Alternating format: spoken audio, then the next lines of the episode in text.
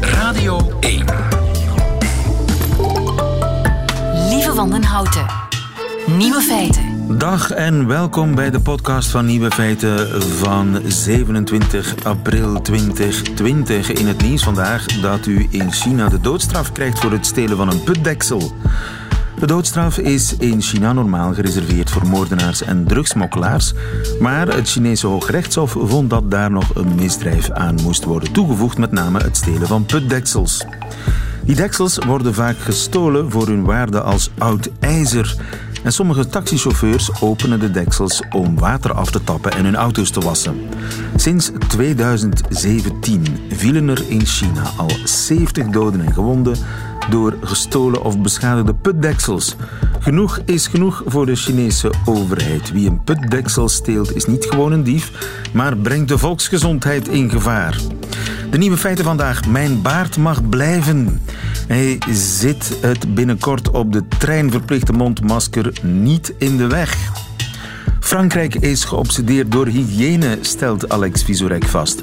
Corona is niet alleen een longziekte, maar ook een bloedziekte. En je huis omtoveren tot luxe hotel voor jezelf, dat kan deze zomer met de hulp van een gloednieuwe service, de Staycation Squad. Otto Jan Ham die hoort u in zijn middagjournaal. Veel plezier. Nieuwe feiten. Scheren of niet scheren, dat is de vraag op dit moment voor mij. Want over een week moet ik met een mondkapje de trein op. Maar is dat wel compatibel met mijn baard? Wouter Arazzola de Oniate, goedemiddag. Goedemiddag. Je bent uh, epidemioloog. Ik heb een baard, heb ik een probleem? Nee, ik hoop het niet. um, met het dragen van maskers moeten we altijd uh, in gedachten houden dat maskers voor twee redenen kunnen gedragen worden. De ene reden is uh, om de pathogenen of de virussen die u zelf in u heeft bij u te houden. Ja. En een tweede soort masker is om de pathogenen of de luchtvervuiling bijvoorbeeld, die in de lucht rond u hangt, om die niet in te ademen. Juist. Dat is een heel groot essentieel verschil. Bij dat tweede type maskers. Dat zijn die FFP2's en FFP3's? Ja, Zo daar zijn baarden wel een probleem. Omdat je daar door het forse inademen snel de lucht door lekkende uh, lekkende fittings gaat, gaat inademen. Ja.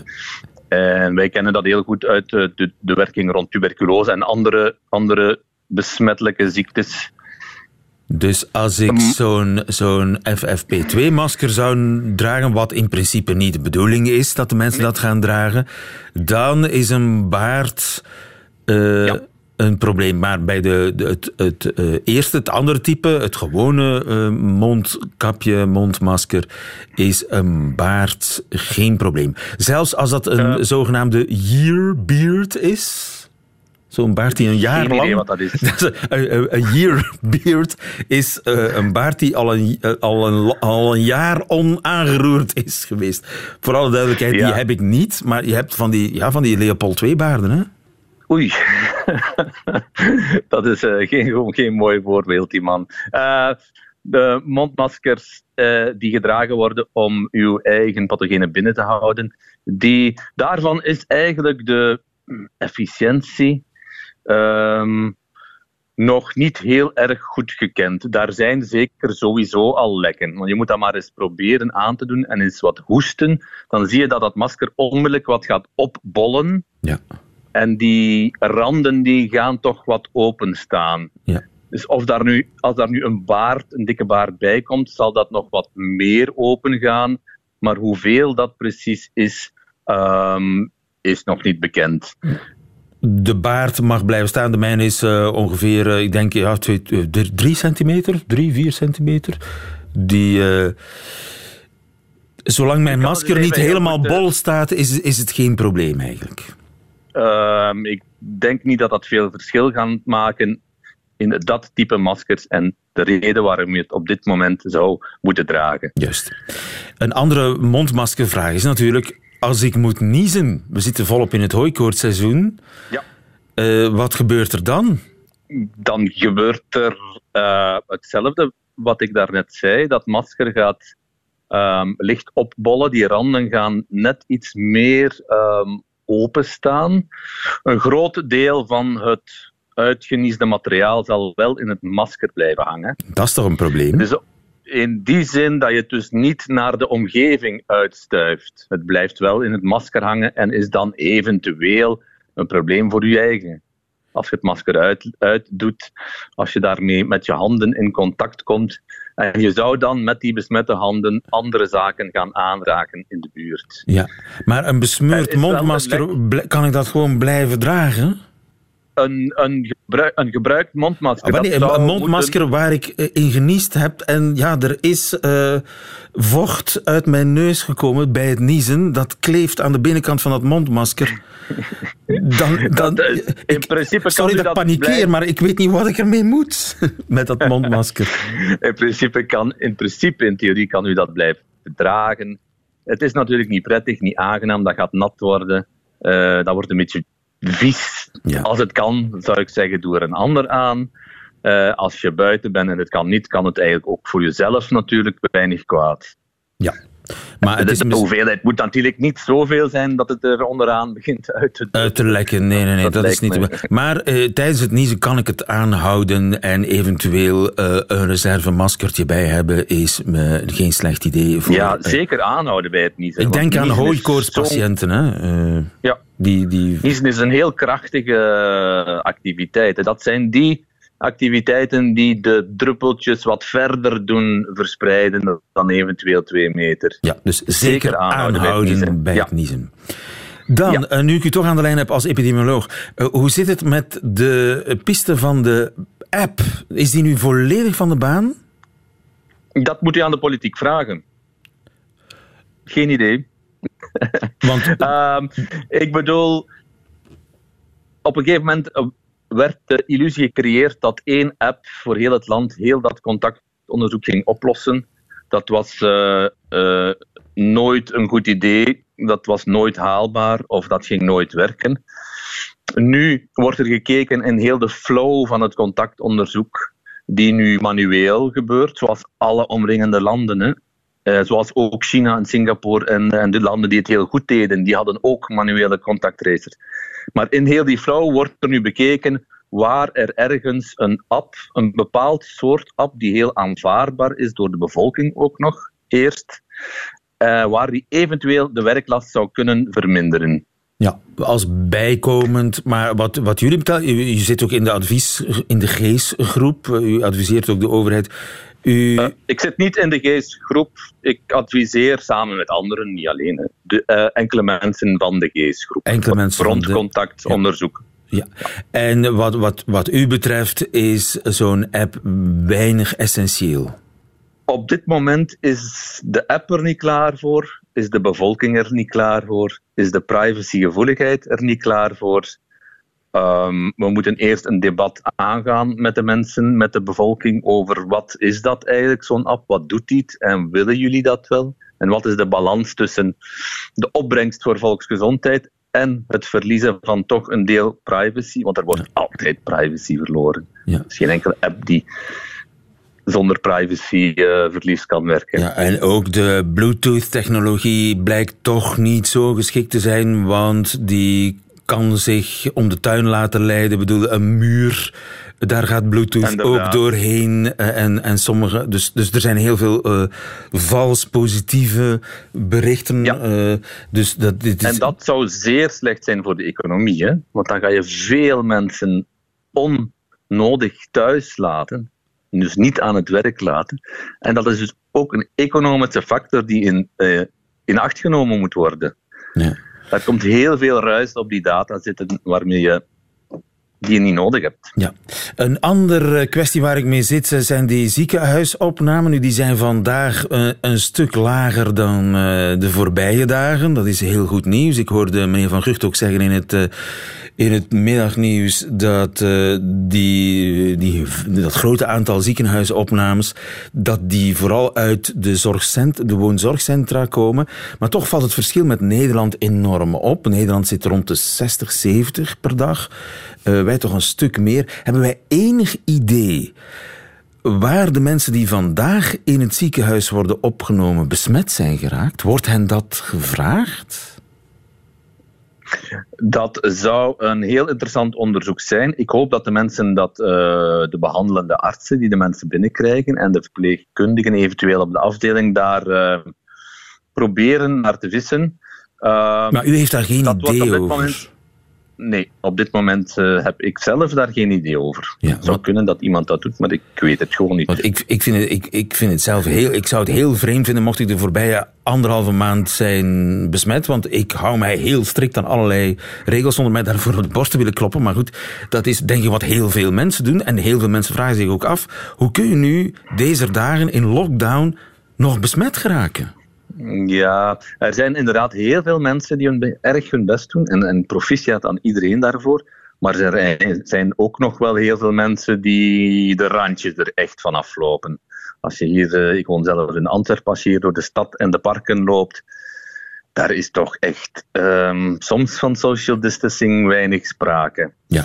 En dat uh, ver, mag niet verbazen dat dat dan ook nog leidt tot meer gevallen en, of meer dan verwacht en opnames. Um, ik wil toch nog eens aandringen op het zeer strikt naleven van die maat. En geen barbecue thuis organiseren, stiekem met vrienden. Ja. En niet even naar het park voor te picknicken met vrienden. Uh, binnen het gezin wel, maar een laatste punt is, uh, wat, ik, wat ik zou willen bespreken, is die groepsimmuniteit. Is dat nu volledig verlaten, die piste? Mogen we dat nu volledig vergeten? Op dit moment is groepsimmuniteit, um, spontane groepsimmuniteit, die piste mag men eigenlijk wel verlaten, want dat gaat zo traag dat we daar jaren mee, of lang mee bezig zijn. En heel, dat zou leiden tot heel veel uh, overlijdens. En uh, hoeveel overlijdens kunnen we daar een, een, cijfer op plakken? Want ja, als, oh. stel nu dat de groepsimmuniteit, dat we dat op 60% zetten, ook dat is natuurlijk arbitrair, maar ongeveer 60% van de Belgen zou moeten immuun zijn voor we kunnen spreken van groepsimmuniteit. Er zijn uh, pakweg 10, 11 miljoen Belgen, pak 6 miljoen mensen moeten immuun zijn. Zes ja. miljoen mensen moeten dus die ziekte hebben gehad of besmet zijn geweest. Ja. Als, we, als we daar de, de mortaliteitsfactor op toepassen. Ik ben misschien uh, boerenwiskunde aan, aan het uh, uitvoeren, maar wat is de mortaliteit op dit moment? Daar zijn verschillende cijfers die de ronde gaan. Dat is niet erg hè, dat er verschillende cijfers de ronde gaan. Dat is normaal, omdat zo'n percentage bestaat altijd uit een noemer een teller en een noemer. En op beide zit een enorme ruis op dit moment. Dus ja. het aantal gevallen. Het cijfer dat je wel zekerheid... vaak leest is een half procent. En het zal ergens tussen 0,5 en 1,5 procent uh, uitkomen. Zeer afhankelijk van de leeftijdscategorie die je ja. in de oog houdt. Maar zelfs uh, al, al hou ik rekening met een half procent, het kleinste cijfer mortaliteit, van 6 ja. miljoen, zitten we toch nog op 30.000 mensen, hè? Die gaan sterven. Inderdaad. Inderdaad. Dus groepsimmuniteit kost ons 30.000 doden. Als het niet minstens 30.000 doden. Ja, um, inderdaad. Dat klopt. Maar de vraag is natuurlijk op welke termijn die doden vallen. Als die allemaal ineens vallen, is dat natuurlijk veel. Uh, dan is dat heel. Het is, elke dode is er één te veel. Hè? Dus als we die kunnen vermijden. Uh, de spontane herd immunization is op dit moment echt geen optie meer. Nee, we moeten zo snel mogelijk nee. naar een, uh, een uh, vaccin en intussen zoveel mogelijk afstand houden en mondkapjes dragen. Maar mijn baard die mag Inderdaad. blijven staan. En dat is toch goed nieuws, denk ik. Wouter Razzola Deoniate, dankjewel. Goedemiddag. Nieuwe feiten. Goedemiddag, tot ziens. Coucou de France met Alex Visorek. Het is er doodstil in Frankrijk, maar toch beweegt er iets onder de oppervlakte. Dat meldt ons zeker en vast mijn landgenoot en uh, collega Alex Visorek, die nog altijd in quarantaine zit, in lockdown ja. in Frankrijk. Dag Alex. Goedemiddag, lieven. En heb je je handjes proper gewassen? Ja, zeker. Maar dit gaat niet over mij. Het gaat over de Fransen. En heerst er in Frankrijk een dictatuur over hygiëne? Uh, dat beweren sommige Fransen nu ze tien keer per dag te horen krijgen dat ze hun handen goed moeten wassen. Uh, in een radioprogramma vroegen ze vorige week aan een Franse vrouw wat zij daarvan vond. Alors, dictature hygiéniste, c'est un peu fort. Je pense que les Français découvrent effectivement l'hygiène par... Euh par l'apparition du Covid, ce qui est à mon sens très triste et grave aussi. Oui. Euh, les, les, Français sont de nature pas très propres, il hein, faut dire les choses comme elles sont. Les Français sont pas très propres de nature. Voilà. Faut dire les choses comme elles sont. Dankzij COVID-19 ontdekken de Fransen wat de hygiëne inhoudt. Uh, er is inderdaad een cliché dat zegt dat Fransen niet heel proper zijn. Zelfs als uh, in de jaren 50 kwam dat in uh, een Amerikaanse tekenfilm aan bod. Ah, my darling, how beautiful you are. How lonesome it has been that I have without you. Mm. Oeh, is dat ook alweer? Wie horen we? Ken dit personage? Pepe Le Pou van Looney Tunes. Dat is... Hij is Frans en in het Frans is het Pépé le Putois. Een stinkdier. Dus uh, toen hadden uh, inderdaad weinige Fransen toegang tot drinkbaar water. Maar toch in de jaren tachtig vroeg de Franse tv zich af of de Fransen effectief vuil waren. En de waarheid komt uit de kindermond. Toi, t'en connais des gens sales, hein? Oui, plein. Qui ça Ben, mon tonton, ma cousine et ma tati. Ja, tonton, cousine et ma tati sont des gens sales. Ja. Nichtjes, tonton en tati. Ook volwassenen namen het niet al te nauw met hygiëne. Non, non, je me suis pas lavé, non. Vous lavez pas le matin? Euh, non, pas le matin. Le soir? Non, non plus le soir. Une fois par semaine? Non. Je vais vous avouer une chose. euh, là, ça fait 33 jours et euh, 10h44, ça va faire 33 jours et 4 heures que je me porte les, les mêmes fringues. Oui. 33 dagen en 4 uur lang draagt hij dezelfde kleren. kleren. Ja. En er nog trots op ook. maar... mm, Ja, zeer trots. maar maak je geen zorgen, lieven. Eh, hij is helemaal niet representatief voor alle Fransen. Maar toch, eh, eerder dit jaar bleek uit onderzoek dat 1 op 5 Fransen niet dagelijks doucht. Eh, nu is dus het ideaal moment om na te gaan of ze ondertussen al iets bijgeleerd hebben over persoonlijke hygiëne. Justement, prenez-vous autant de douches qu'avant. Vous lavez-vous toujours autant les dents C'est l'une des conséquences du confinement. Ceux qui ne sortent plus font moins d'efforts. Oei, de Fransen Voilà, doen moins moins d'efforts. Eh, ja, minder eh, nog eh, tijdens de lockdown. Ja, in tijden van corona was één Franse man of vrouw op drie zich niet elke dag... Enfin, ik plaats mannen en vrouwen onder dezelfde nomen, maar eh, tja, er is wel één groep die er zich opvallend minder van aantrekt. En règle générale, pour l'hygiène, les filles sont loin devant et les garçons loin derrière. Remarquez, il vaut mieux parfois être loin derrière celui qui a encore oublié de changer de slip. Ja, ja, ja, ja, ja. Mannen lopen nogal achter met hygiëne, maar het is ook beter om ver achter iemand te lopen die zijn onderbroek niet heeft veranderd. Eh, inderdaad, want het onderzoek werd eh, als eh, volgt samengevat in de kranten. Main propre, slipsale. En deze comedienne denkt te weten hoe dat komt. Alors déjà, il se lave plus. Visiblement, l'hygiène, c'était juste une formalité pour ses collègues de travail, parce que là, il prend plus de douche depuis qu'il est en télétravail. Rien. Ah, dus het gaat er Ja, om... eh, Je doucht eigenlijk voor je collega's. Dat is het.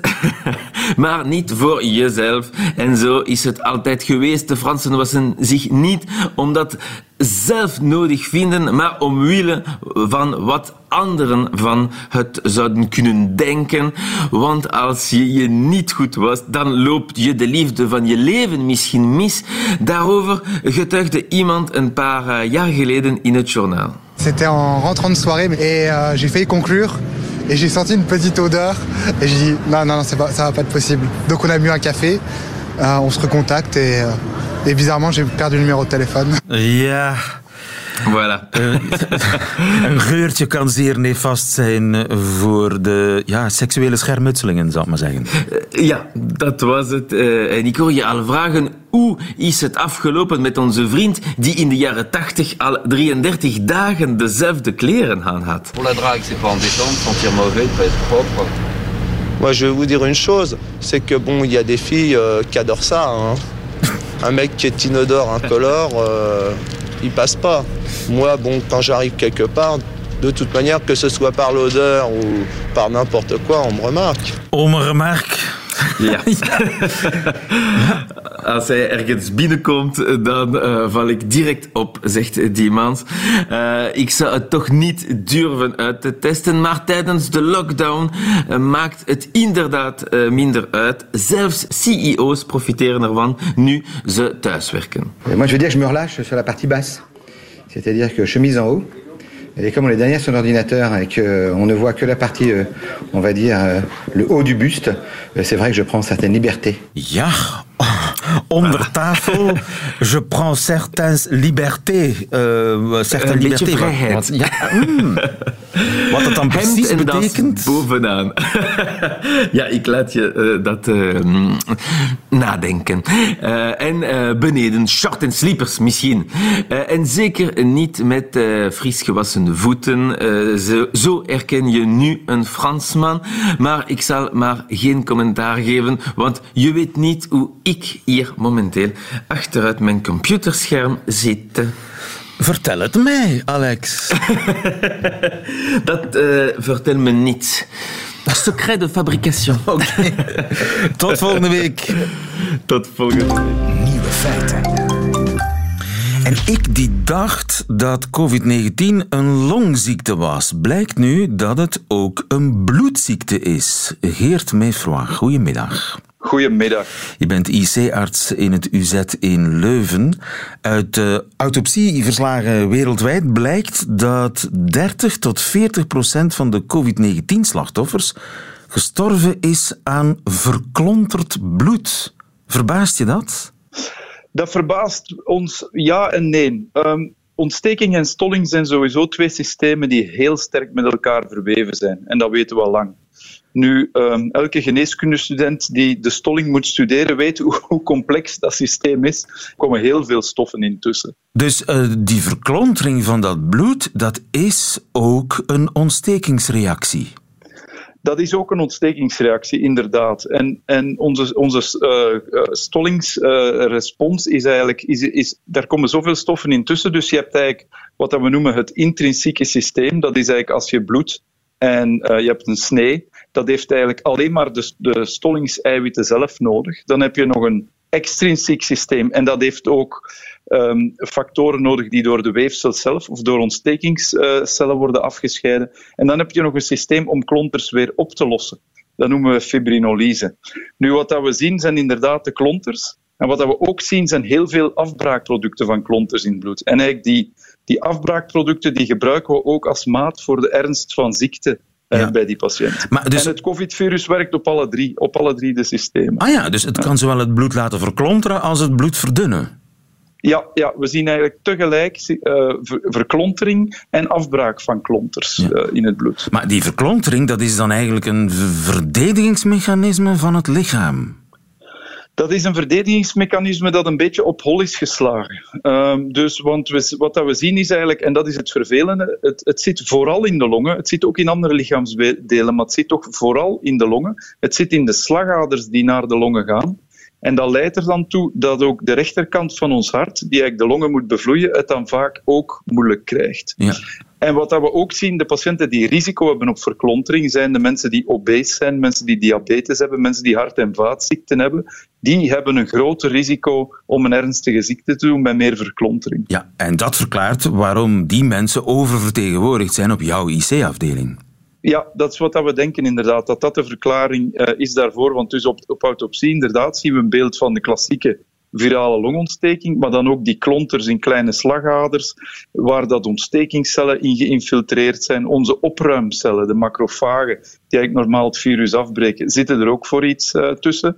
En klinisch zie je overbelasting van het rechterhart, En uh, we denken ook dat onze beademing misschien, wat we klassiek met heel hoge drukken, uh, of met relatief hoge drukken beademen, dat dat mogelijk niet zo goed is. Aha. En dus we proberen er ook wel qua behandeling uh, ook wel wat anders mee om te gaan met de patiënt. We leren heel snel van elkaar hier. Ja, ja want dat virus dat is echt een soort verrassingskroket. Hè? Er, elke dag ontdekken ja. we wel iets nieuws. Inderdaad. Maar wat dat wel mooi is, is dat in de um, wetenschappelijke community dat eigenlijk het nieuws heel snel gaat en dat we eigenlijk heel veel informatie snel met elkaar delen. En uh, wij hadden eigenlijk ook al heel snel door van onze collega's dat we de patiënten ook bloedverdunners gingen moeten geven. Ja, en, dat, en daar dus zijn jullie al heel snel mee begonnen. Daar zijn we snel mee begonnen. Dus normaal als je in het ziekenhuis ligt, iedereen kent dat wel, krijgt zo spuitjes in de buik uh, ja, ja, ja, om, om trombose te voorkomen. Flebitspuitjes, inderdaad. Wat dat we nu doen, is dat eigenlijk aan hogere dosis geven dan dat we dat normaal doen. En we, mikken, we testen dat ook in bloed, of dat die, uh, want die zijn heel moeilijk te regelen. We testen in bloed of dat die echt goed geregeld zijn. We proberen echt voor perfecte bloedstolling te gaan, ja. waar dat we uh, de complicaties toch proberen zoveel mogelijk te vermijden. Ja, want klonters, dat is heel snel dood. Hè? Als je bloedsysteem uh, verklontert, dan, uh, dan kan het heel snel gaan. En heel snel dan kan het heel snel gaan, ja. ja. En dat zijn eigenlijk, we, we zagen eigenlijk ook, we zagen grote klonters, en die grote klonters zijn natuurlijk het ja, spectaculair, die vallen je ook op, en die kunnen onmiddellijk voor grote problemen zorgen. maar wat, dat we, wat dat die autopsie toont, is ook echt kleine klonters klonters in de hele kleine bloedvaatjes. Ja. Die zie je natuurlijk niet rechtstreeks in een patiënt, maar je ziet die wel indirect. Ja. Uh, bijvoorbeeld aan de overbelasting van het rechterhart. Maar ik las dat uh, bij, uh, uit autopsieverslagen ook bleek dat bij sommige slachtoffers de, de longblaasjes intact waren, maar dat die adertjes in de longen vol klonters zaten. Ja, inderdaad. Ja. Dus de adertjes in de longen vol. En wat dat je dan krijgt, is eigenlijk wat we noemen dode ruimtebeademing. Hè. Dus dat wil zeggen, de, de long kan wel geventileerd worden, maar er gaat geen bloed uh, door, die, door die stukken long. Ja. ja. Maar dus dat betekent dat het kan dat je longen zelf, of je longblaasjes niet aangetast zijn door COVID-19, maar wel je bloed. Ja, ja, hoewel het meestal de twee samen is hoor. Het is meestal wel een combinatie van de twee, maar we hadden eigenlijk alleen het eerste verwacht. We hadden alleen verwacht aangetast in het begin. Hè, hadden we vooral bij een klassieke virale longontsteking aangetaste longblaasjes. Maar dat we in die mate uh, zo spectaculaire klontering uh, gingen zien, hadden we eigenlijk niet, ja. uh, niet verwacht. Hier. Maar kan, kunnen die klonters optreden zonder dat patiënten de klassieke hoest- en ademhalingsproblemen hebben? Nee, nee, het zijn toch wel de ernstiger patiënten die dat hebben hoor. Uh, dus dat is niet. Ja, het zijn ook, het zijn ook autopsiebevindingen. Hè. Dus dat wil zeggen dat zijn de mensen die eraan gestorven zijn. Dus dat zijn per definitie ook de ernstigste uh, patiënten. Uh, bij mijn weten heb ik nog geen grote studies gezien waar ze longbiopsies hebben genomen bij patiënten die het overleefd hebben. omdat dat natuurlijk ook een gevaarlijke procedure is. Dus dat hebben we, dat hebben we niet gedaan. Ja, en nu we meer en meer te weten komen over COVID-19 en hoe die ziekte in het lichaam werkt en dat er uh, ja, meer nadruk komt te liggen op het bloed en die stollingsmechanismen. Betekent dat ook dat we mensen beter, sneller kunnen genezen? Ja, wel, we zijn daarop. Uh, dus het, wat ik al zei, de, dus de flebitspuitjes die we hoger geven, dat is echt wel een eerste maatregel die denk ik ondertussen iedereen uh, doet en elke patiënt op, in, op een intensive care unit zal dat krijgen.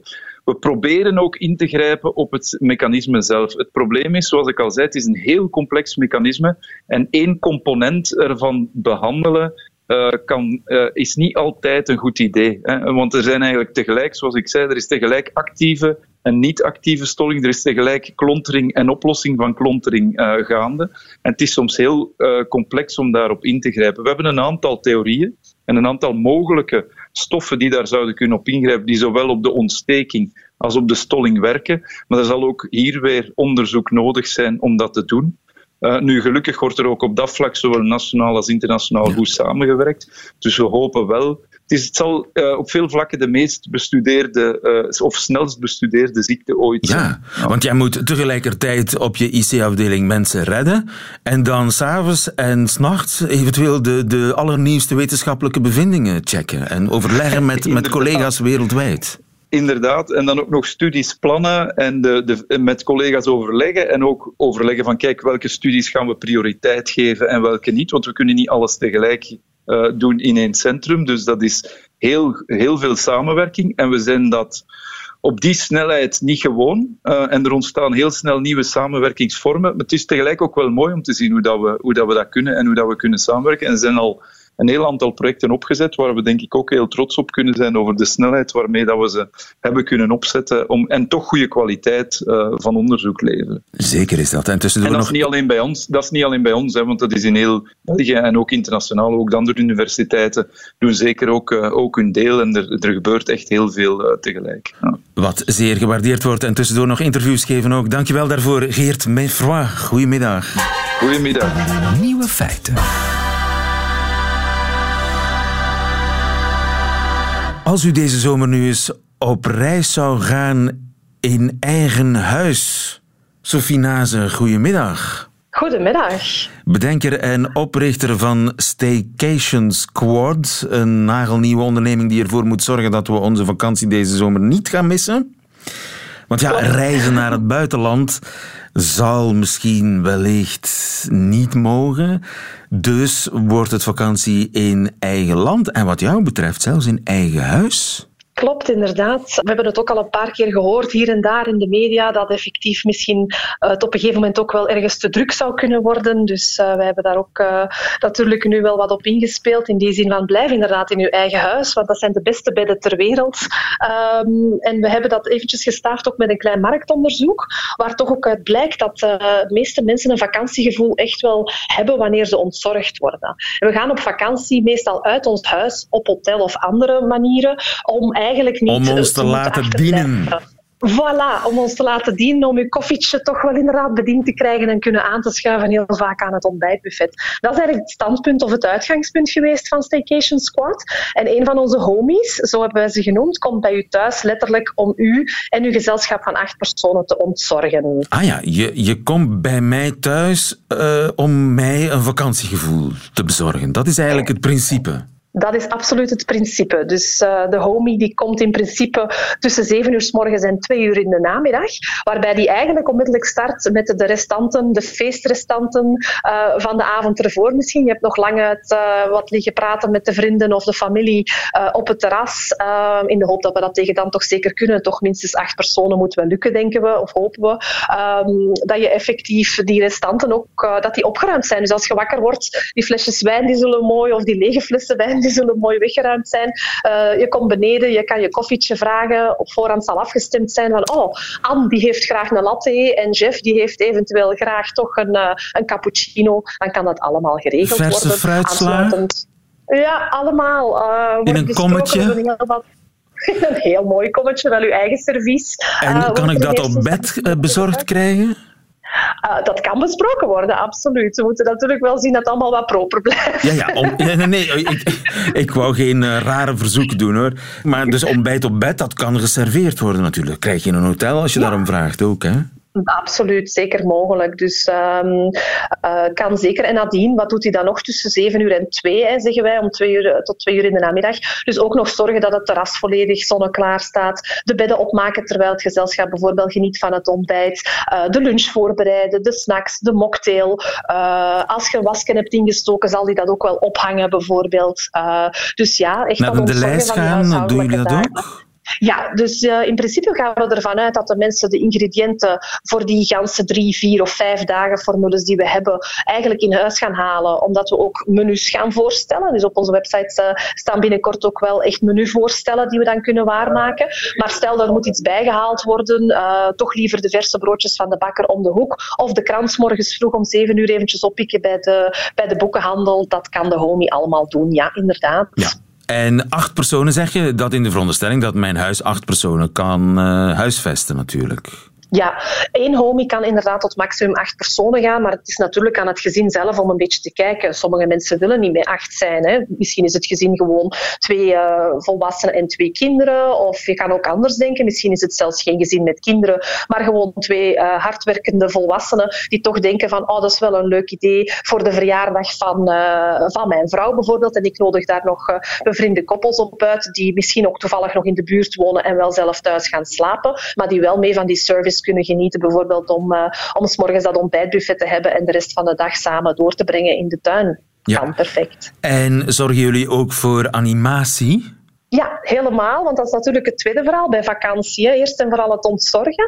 En dan uh, toch wel ook het beleven. En hoe die vakantiebeleving gebeurt, dat is natuurlijk voor iedereen afhankelijk. En wij hebben dan gedacht van, kijk, onze squad, die zorgt dan wel in negen verschillende categorieën dat u, dat, um, ja, dat u daar een, een, een aansluiting vindt binnen uw interesses. Dus dat gaat van yoga-instructrices die om tien uur, of uh, instructeurs natuurlijk, die om tien uur s morgens uh, langskomen tot een heuse kidsclub. Maar ook bijvoorbeeld een restaurant die we in elkaar steken met privéchauffeur. Als u bijvoorbeeld uh, van het type reiziger bent die normaal in een all-in vakantie gaat en zowel geniet van de, de Turkse avond, de Italiaanse avond, de Griekse avond. Ah, wel, zo'n programma stellen wij graag samen bij u in de buurt, heel lokaal. Wat ja. ook natuurlijk wel heel wat opties geeft, uh, zeker deze zomer, om ook dat lokaal verhaal echt uh, naar voren te brengen. Zowel met toeristische diensten als natuurlijk met de plaatselijke horeca. Ja, um, dat en, is ook wel en je, je kan, je kan karaokeavonden organiseren, bijvoorbeeld? Is dat een mogelijkheid? Helemaal. Ja, is ook zeker een mogelijkheid. Uh, muziek is een categorie die we ook aanbieden. En een van onze aanbieders daar is uh, muzikant bijvoorbeeld, uh, Tom. En die heeft nu Maak je eigen staycation song als programma. Dus concreet, die komt bij u thuis en die gaat samen met uw gezin of met, u, met die acht mensen als die er zouden zijn, um, effectief een lied maken, een vakantielied. En ja, als je dan een vuurschaal hebt, dan doen we er een campfire bij. En dan kan je op die manier eigenlijk je eigen song hebben, die we ja. ook opnemen. En zoals in een studio. Als je niet naar de Club Met kan, dan komt de Club Met naar je toe. Zoiets. Dat is eigenlijk, uh, dat is eigenlijk de, ja. de, de, de, de, grondgedachte. Uh, dat is een, een idee dat je zelf hebt bedacht en dat je nu in no time uit de grond moet stampen. Dat klopt. Nu, ik heb uh, nogal een redelijk creatieve geest. De mensen die mij kennen zullen dat zeker beamen. Ik zit ook al enkele jaren toch wel met mijn bedrijf Concept S in de evenementensector. Uh, ja, geen, niet gemakkelijkheid ging er ook nog, uh, nog over.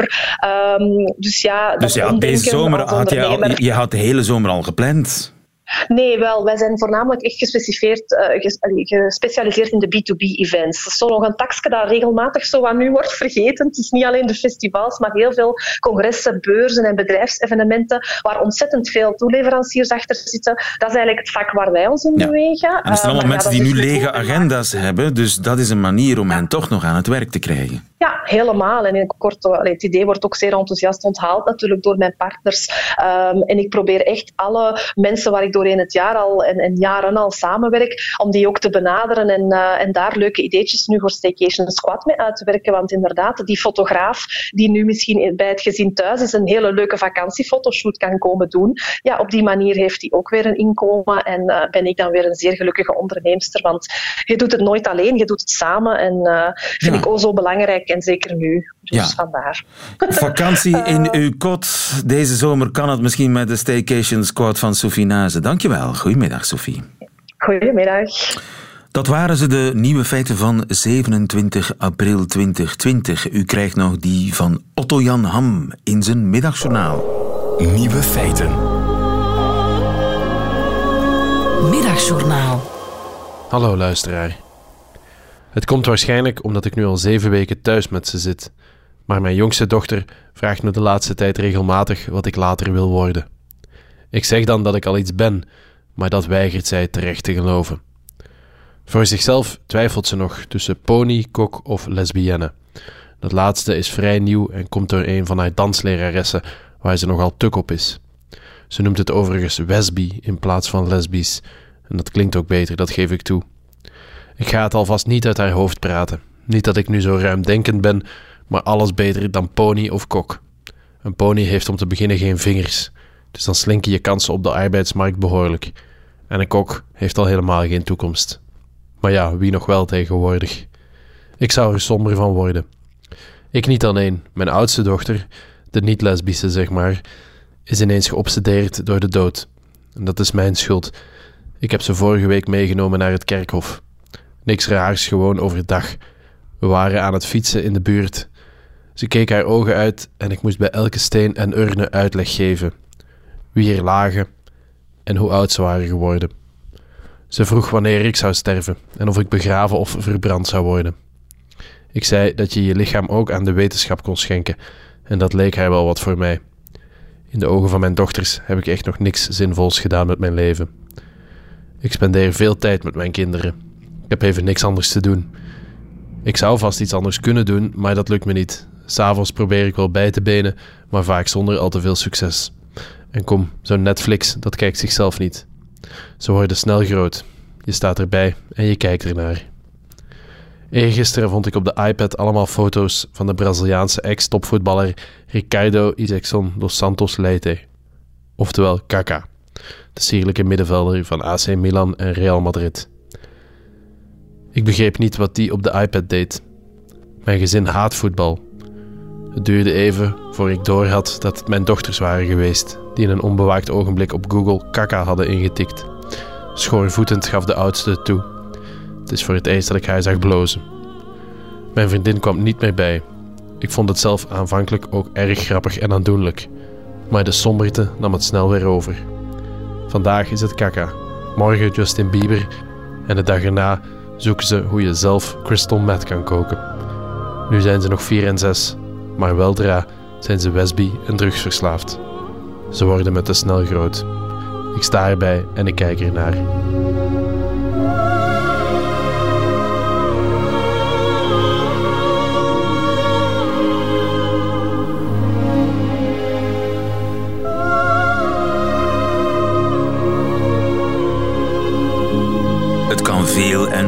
Veel erger, Otto Jan Ham. Dit was een middagjournaal. Einde van deze podcast. Hoort u liever de volledige uitzending met de muziek erbij? Dat kan natuurlijk ook via onze site of via onze app.